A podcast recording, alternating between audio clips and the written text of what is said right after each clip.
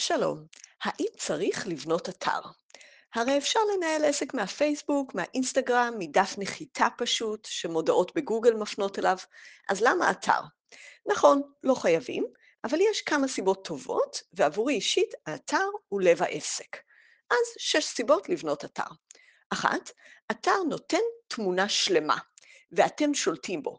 פייסבוק, אינסטגרם, לינקדאין, ניוזלטרים, וואטסאפ, כל אלו שולחים חתיכת מידע אחת עליכם כל פעם. פוסט אחד, תמונה, סרטון, הקלטה. יש הרבה כוח לפוסטים טובים, אבל הם ממוקדים בנושא אחד. אתר מצייר את התמונה השלמה של העסק שלכם. גם הפוסטים כולם יהיו בו, אני מקווה, בצורה נוחה לקריאה או הקשבה, אבל גם את כל השירותים שלכם, הסיפור שלכם, אודות, המלצות, פרטים איך התהליכים שאתם מבצעים מתרחשים, ועוד. אתם שולטים בצורת ההצגה של כל המידע שלכם, בעוד שבפלטפורמות אחרות הדף שלכם נראה כמו של אחרים. 2. אתר מפריד בין תוכן לבין הצעה שיווקית. מכירים את הפוסטים בפייסבוק עם סיפור אישי מרגש, ובפסקה האחרונה עוברים לספר על הסדנה החדשה שפותחים. זה בסדר, אפשר לשווק כך, אבל זה שילוב קצת מלאכותי, ואני טוענת שהוא פוגע גם בצריכת התוכן, לקרוא את הסיפור המרגש, וגם בהתעניינות בהצעה, הסדנה.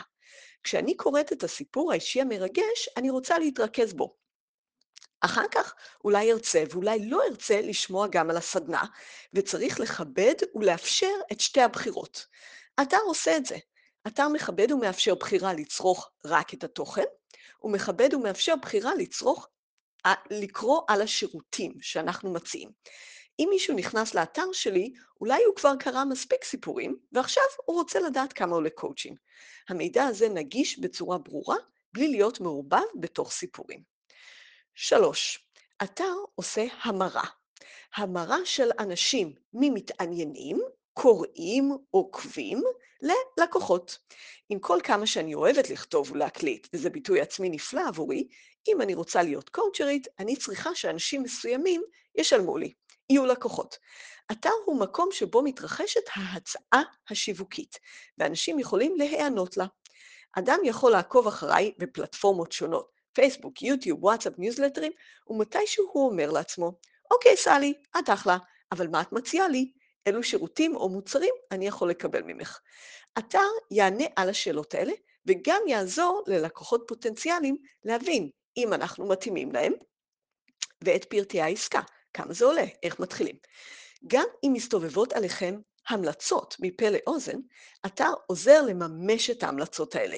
אנשים יבדקו עליכם, ואם הם יאהבו את מה שהם רואים, הם יגיעו.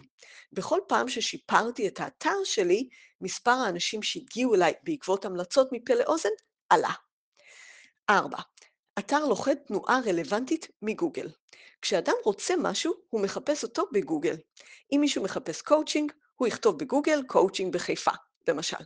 זה אדם שאני רוצה שיגיע לאתר שלי, ואם אין לי אתר, אז זה לא יקרה. בפייסבוק התנועה אקראית.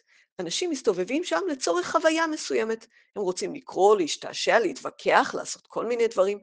נכון, אפשר להציע להם גם שירותים, והתנועה לא אקראית לגמרי, כי מי שרואה אתכם בפייסבוק כן מחובר לתכנים שלכם במידה מסוימת. כנראה. אחרת, פייסבוק כבר יפסיק להציג לו אתכם. אבל אין שום הבטחה שמי שכרגע מחפש אתכם יגיע דווקא לפוסטים שלכם בפייסבוק. חמש, אתר שייך לכם, הוא בבעלותכם. פייסבוק יכולים לסגור לכם את הדף העסקי או הפרופיל, זה קורה. הם משנים שוב ושוב את האלגוריתמים שלהם ואת צורת ההצגה, בצורה שיכולה לפגוע בכם.